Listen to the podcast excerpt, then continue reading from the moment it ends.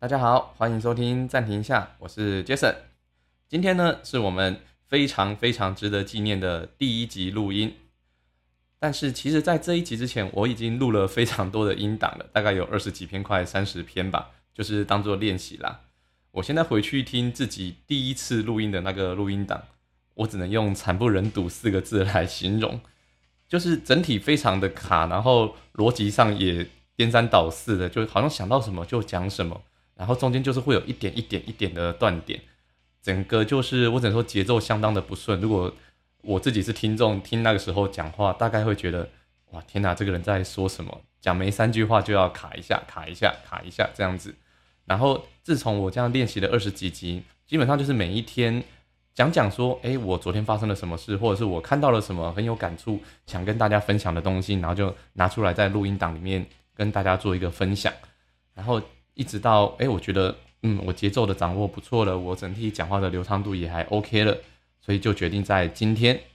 来录我们的第一集，然后正式的上传来跟各位听众朋友们见面。好的，那讲了这么多呢，总是要先跟各位聊聊我们这个节目的发想以及为什么会取暂停一下这个名字。首先就从说为什么我要取暂停一下这个名字来跟各位聊聊。一开始我其实想取的名字叫做市井小民，但是这个名字后来被人家注册走了，所以我也没办法。可是。我觉得这样也未尝不是一件坏事。后来我自己想一想，诶，其实取市井小民这个名字有一点点过于广泛，然后变得比较没有办法去发挥很多的东西，或者是太发散了，会很难去聚焦。后来我整整思考了大概一个礼拜的时间，就想到，嗯，不然就叫暂停一下好了。这其实也是呼应了我最早最早会想要。做 podcast 的一个想法，因为当时我的人生是有一点点被按下了暂停这个按键的，没有办法继续前进，而是在一个比较停滞的状况之下。那这个等一下在自我介绍的时候，可以跟各位做一个很深刻的分享。所以我就想到了，哇，那取名叫暂停一下好了，因为我会希望说，听众朋友，甚至包括我自己，包括我认识的好朋友们。我都会希望说，大家可以在你的生活之中，每一天忙碌的生活之中，去抽出十到十五分钟的时间，去暂停一下。不论是你要放空，不论是你来愿意来听听 Jason 的闲话家常都好，就是有那十到十五分钟的时间，给自己去整理一下你的思绪也好，甚至只是放空休息都好。所以有了这个发想，后来我决定就把节目的名称就叫做暂停一下。那也希望各位听众朋友能够在你们的生活当中。有这样一个暂停一下的机会，跟这样的一个时间，那好好的沉淀一下，好好的想想自己的生活，然后充好电之后，再继续出发去面对生活的各种挑战。好的，再来，我想不免俗的还是要跟大家自我介绍一下。首先，我的名字叫做 Jason，那我以前呢其实是在台北的旅行社工作。这样算一算，应该有十来个年头了。因为从我毕业，然后退伍之后，就一直待在台北，然后就一直在旅行社任职。那是在今年的二零二三年，就是过年前，我才决定说好，那我要回来台南。但回来台南之后呢，总是要找点事情做嘛。首先我在本业部分，其实有跟朋友就是合伙开了一间顾问管理工作室。那也跟各位聊过了，刚刚就是我的 p a c k a g e 为什么叫暂停一下？其实这个呼应到我自己的。人生的某一个阶段呢，就是我当时在旅行社工作，也已经做到了我觉得一个相当不错的程度。而且我觉得我跟我的同才、我的其他朋友，或者是其他在旅游业界的同辈相比，哎，其实我有非常特殊的经历，因为我们公司有相当特殊的产品，而其中最特殊的莫过于是我去了南极，我也去过了北极。这个有机会我就放在后面再跟各位做分享。好，然后回过头来说，为什么我会说这对我的人生来说是刚好是一个转折点？因为我想大家都知道，我们在二零二零有了一个非常呃非常大的事件，影响了我们的全球的旅游业，那就是我们的新冠肺炎嘛，在那一年爆发了。而我自己的小朋友呢，也在那一年出生了，所以我其实，在当年是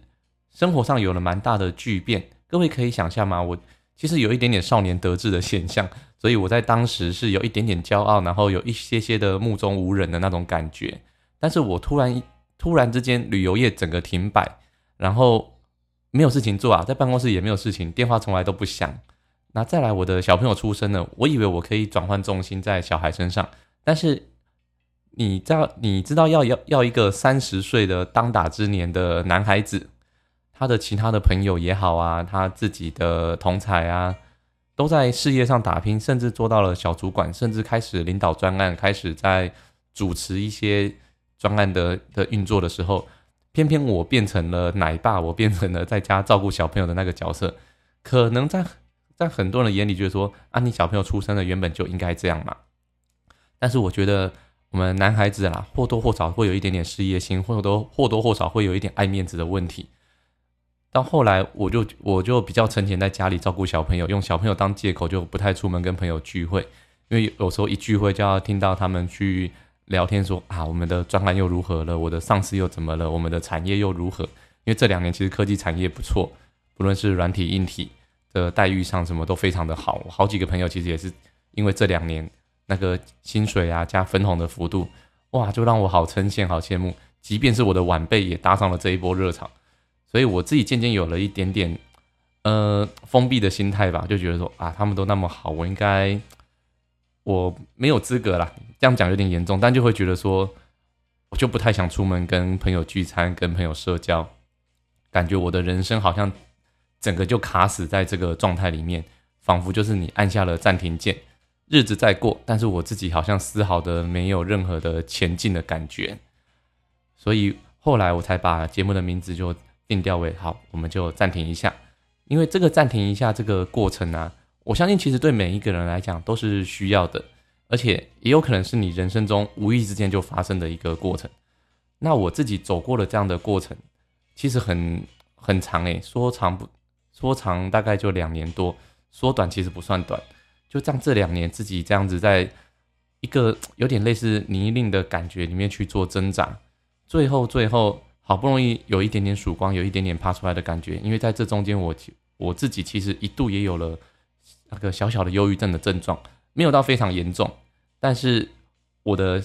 整个思想，我的想事情的那个感觉会相对的比较悲观一点，所以我。想要把这样的经历拿出来跟各位做一个分享，然后也想要就是提供一个平台。如果说各位在这样的状态之下，你有想要去想要去诉说的话语啊，你有想要分享的故事啊，诶，不妨就在我们的频道下面留个言，或者是说在资讯栏可以找到我的 email，然后把你的故事寄给我。如果说诶真的不错的话，我可以约各位来做一个呃简单的访谈。那讲到这个，就必须去讲到我们节目的规划跟主轴，所以等一下我来跟各位聊聊我们这个节目的规划以及未来呃进行的方向。好的，那再来呢，来跟各位聊聊一下这个节目的主轴以及想要跟各位分享的事情。其实我现在对这个节目有两个规划了，它其实分为两个单元。那第一个呢，是我觉得更新频率会比较长的。我预计在每个礼拜二跟每个礼拜五会去做一个更新。那更新的内容呢，其实就是会在礼拜二更新，就是通常会去分享一下我这个周末做了一些什么啊，或者是说去了哪边玩，诶，有不错的景点可以推荐给各位，或看到了一些诶很不错的新闻，或者是很不错的书，也都会推荐给各位。那再来呢，在礼拜五的更新，那各位想想看，礼拜二到礼拜五就是三四五嘛，这三天好。四三四五这三天呢，对我来讲，因为我以前自己有在投资股票，有在买卖一些股票的交易，所以我会去追一些产业的新闻啊，或者是去追一些产业的动态。而我现在还是有这样的习惯呢，那我甚至有自己的一个云端的笔记本去记录这些新闻。所以我如果说在这三跟四还有五这三天，我其实整理的。嗯，我觉得有趣的新闻不一定是财经类的，有时候可能是政策类的，有时候可能是哎，我看到什么趣味的新闻。那八卦的部分就比较少了，这就不好意思，因为我平常不太看一些演艺人员的那演艺明星的八卦新闻啊，所以这个部分应该会比较少。那通常我把它整理起来之后，以前是放在云端记事本嘛，我自己想到的时候回去看一看。那现在有了 Podcast 这个节目，我我就想说，那我礼拜三、礼拜四、礼拜五整理的这些新闻啊。我再把它再浓缩一下，然后挑出一些哎，我特别有想法的，或是可以聊聊天的新闻。我在礼拜五的录音之中把它拿出来跟各位做一个分享，然后再看看各位如果对这些新闻有什么想法，也可以在留言区留言跟我做一个互动这样子。因此，在每个礼拜更新的礼拜二、礼拜五这两集，时间大概会控制在十五分钟到二十分钟左右。之前其实自己在试着录音的时候啊，我是每天录一篇，然后一个不小心就会超时，然后报到二十五分钟、三十分钟。当时帮我试听的朋友都说：“你这个时间太长了，没有人会听你讲这么久的话。”好，我相信这件事情是我需要克服的问题，因为有时候要录音之前很困难，就是要进入那个状态。一旦进入那个状态之后，又会有一点点舍不得从那个状态里面出来，就会想哇，一直说，一直说，一直说，就好像现在这个样子，我必须强迫自己去打断它。好，那再来呢？这个节目的另外一个单元，其实是我当时最想做的一个单元，就是所谓的访谈。而说到访谈，当时我的朋友提出了一个疑问给我，就是说，那你的访谈对象要是谁？因为你毕竟是一个刚刚成立的节目，然后又没有什么特殊的人脉背景。你要怎么样邀约到说人家会想听的 KOL 啊，或者是明星来做访谈？我其实不太想要去访问那些真的很有名的人或 KOL，我反而更想访问的是一些在各行各业里面工作的人们，就是我当时规划的市井小民，跟我一样，我们在生活中挣扎，我们在生活中奋斗，那心中会有一些可能没有办法跟自己最亲密的人说的一些话或故事。如果说他们也愿意接受我这样的采访，也愿意说来跟我聊聊天，来我们互相交换一下彼此的生活的话，其实我都非常欢迎。而我最想访问的其实是这样子的人。但是因为我自己在当奶爸的那段期间，其实心中有蛮多的话，我觉得不算是委屈，也不算是怨怼，而是我觉得我想找人说说话，但我身边只有儿子，他我没有办法跟他说什么，我只能跟他咿咿啊啊的玩。而当时能够听我说话的没有多少人，甚至说没有。人家会想说，哎，那你太太呢？或者是说，哎，你的父母呢？一来父母可能多少有一点代沟，那二来是有时候太太她工作了一整天回来了，她需要自己的个人空间去休息，那我也不好把我的情绪就这样丢给她。我觉得很多时候会有这样的状况，就是当一个你很亲密的人在你身边，你想跟他讲一点什么的时候，但是你又会突然哎迟迟疑了那一秒，犹豫了那一秒。那就是那一秒，往往造成了很多沟通上的障碍。而有一个这样的朋友，可以去听你讲话，可以去听你诉说，其实我觉得很难能可贵。因为有时候你寻寻觅觅了一辈子，也找不到一个这样的人。那我以前觉得我身边有蛮多这样的朋友，他们都愿意听我说话，我也愿意听他们说说话。但是到了后来，你各自有了家庭，朋友自己有了家庭之后，反而这变成了一个隔阂，变成了。哎呀，我们不应该打扰人家，那人家也觉得他们不应该来打扰我，而渐渐的变成说，我们能够聊的，要么工作，要么家庭，要么小孩子，要么就是投资，要么就是理财这一类的话题。哇，说到这个话题，其实我也蛮有兴趣的，因为我自己在投资了这么多年，有一点点心得啦，但是也没有到赚大钱，所以听我的投资心得不一定可以赚大钱，但是我觉得可以去聊聊天，分享彼此的一些经验也很不错。那这个也会未来就是可能我在分享的时候突然想到。那就可以跟大家聊聊，好吗？好，那关于访谈的部分呢，目前预计啦，大概一个月会更新一次到两次，因为访谈毕竟要约访，然后要去安排访问的时间，而且访问的时间通常会比较长一点。一集我在我在猜，大概会在三十分钟左右，因为也不适合拉太长。好的，所以呢，这其实就是我目前节目规划的两个单元呐，就是再跟各位复习一下，第一个。就是我们的访谈的部分，那其实是最原始的初衷，就是想做访谈。那每一集的时间大概我预计在三十分钟，然后一个月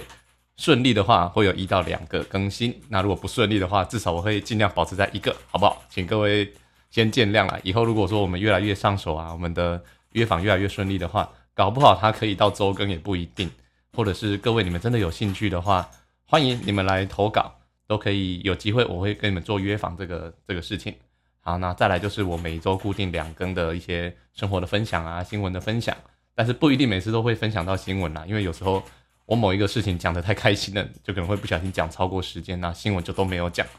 好，那我们再来慢慢的抓这个节奏跟 timing 就 OK 了。好的，那节目介绍到了这边，我想我差不多也该收尾了。这样算一算，其实十五六分钟。我其实预计一集的时间尽量都不要超过二十分钟啦，因为我知道听一个陌生人讲话要超过十分钟已经很了不起了，还何况到十五到二十分钟是有一点困难的。那我也希望可以跟大家可以越来越熟悉，那你们也可以越来越熟悉我讲话的频率啊或 tempo 啊。那最后最后，让我小小的跟各位说一点甘苦谈好了。因为当我决定要录制这个节目跟做这个节目的时候，第一个遇到的问题就是，人家问我说：“那你觉得你的节目有什么含金量，让人家一定要听？”其实这样的问题困扰了我蛮长一段时间的，因为我想想，哎呀，我也不是什么网络名嘴，我也不是什么财经专业的背景，那讲讲旅游嘛，好像也不是到非常的专精，那我有什么含金量给各位听？后来其实是有一个朋友提点我，之后我转了一个念去想，其实含金量这种事情呢，不应该是由我自己主动提供，而是我觉得各位今天只要能够在我的频道里面找到了一点寄托，找到了一点点慰藉的话，那就是属于你们个人的含金量了。不然的话，其实人家正所谓人外有人，天外有天嘛。不论我说的东西再怎么样精良，再怎么样精巧。一定有比我更厉害的人会觉得你说的东西没有价值，你说的观念是错的，所以我这边也鼓励各位啦，不论你有什么样的想法，先去做就对了。那能不能挖到含金量，能不能挖到知识点，能不能找到价值，那不是我们可以控制的，我们就是尽力所所为，然后做自己喜欢的事情，好不好？我们共勉之。好的，那在我们第一集的最后，我再来跟各位做一点宣传，就是。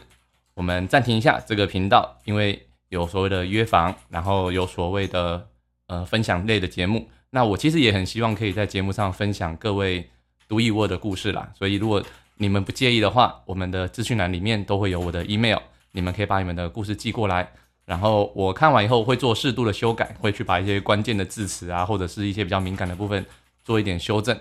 那再来节目上跟各位做分享。那以后如果我们的观众数量越来越多了，我也会有一个增加念留言的这个部分，所以欢迎各位努力，然后踊跃的留言，好不好？好，我们今天暂停一下，第一集就录到这里。各位应该听到后面有一个敲键盘的声音，对不对？那其实是我们公司的合伙人，他刚刚终于在今天下午进来上班了，他早上都没有进来。那他进来上班之后，就会键盘声音非常的嘈杂，那也证明了我们其实是。有一个独立的办公室空间的好，所以各位如果有机会的话，也可以邀请你们来这边喝喝咖啡。那欢迎各位之后踊跃的跟我们做联络，在资讯栏都有我的 email。好，今天就到这里了，我们下次见，拜拜。